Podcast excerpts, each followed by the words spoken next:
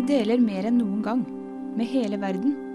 Da må vi tenke nytt om publiseringsetikk, skriver medisinsk redaktør Siri Lunde Strømme i lederartikkelen Et tastetrykk unna.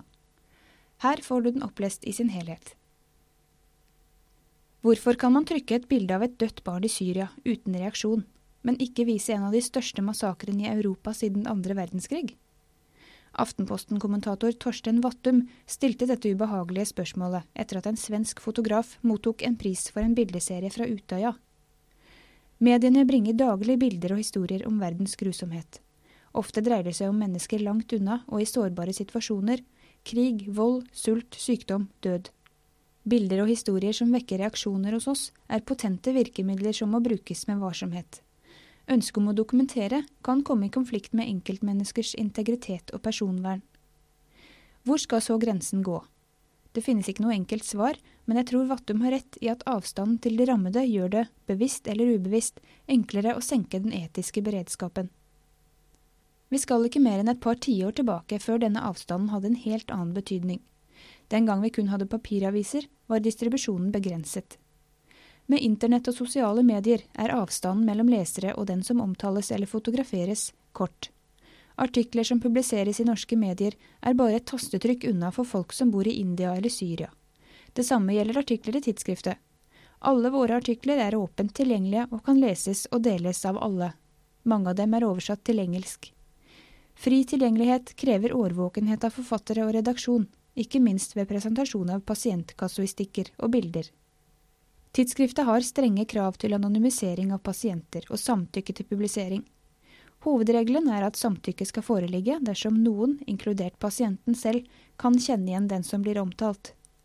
Det finnes unntak, men de strenge kravene gjelder for pasienter både i Norge og i fjerntliggende land. Det spiller ingen rolle om pasienten er fra Hamar eller Katmandu. Samtykke skal være informert og frivillig, og skal gis på et fastsatt skjema.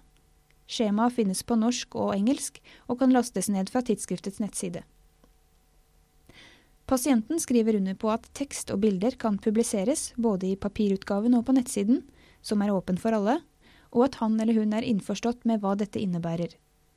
Videre skal pasienten ha sett eller ha fått tilgang til å se bilder og tekst, eller blitt forklart hva teksten inneholder. Forfatter er også ansvarlig for at pasienten tilbys å se den ferdige artikkelen før publisering. Å forsikre seg om at samtykke er informert og frivillig, kan være krevende, spesielt når pasienten befinner seg i en annen del av verden, eller det er språklige og kulturelle barrierer.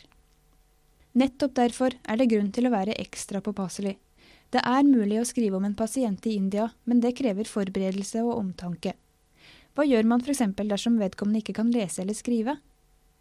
Det vesentlige for oss i redaksjonen er at vi er sikre på at samtykket er frivillig, og at innholdet i samtykkeskjemaet er formidlet og forstått av mottakeren.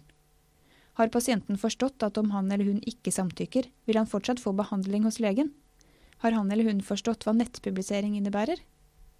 Tidsskriftet har to spalter som er spesielt viet internasjonalt helsestoff. Verdens helse og internasjonal medisin.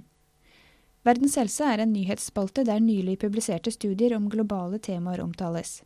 Spalten Internasjonal medisin rommer reisebrev og begrunnede meningsytringer om medisinske emner satt i et internasjonalt perspektiv. Disse spaltene er viktige. Som leger i en norsk hverdag trenger vi å lese om virkeligheten i andre deler av verden. Dessverre må vi fra tid til annen ta ut pasientbeskrivelser i slike artikler, fordi det ikke er innhentet samtykke. Det ønsker vi å unngå. Måten vi publiserer på har endret seg mye på få år. Dette har ført til økt bevissthet om personvernet, men det er fortsatt en vei å gå. Nylig uttalte Francis Collins, direktør ved National Institutes of Health, at for å være ærlig, så har vitenskapen utviklet seg raskere enn samtykkeprosessen, og det er kanskje på tide å tette dette gapet. Det samme gjelder publisering. For hvem hadde trodd at vi kom til å dele så mye?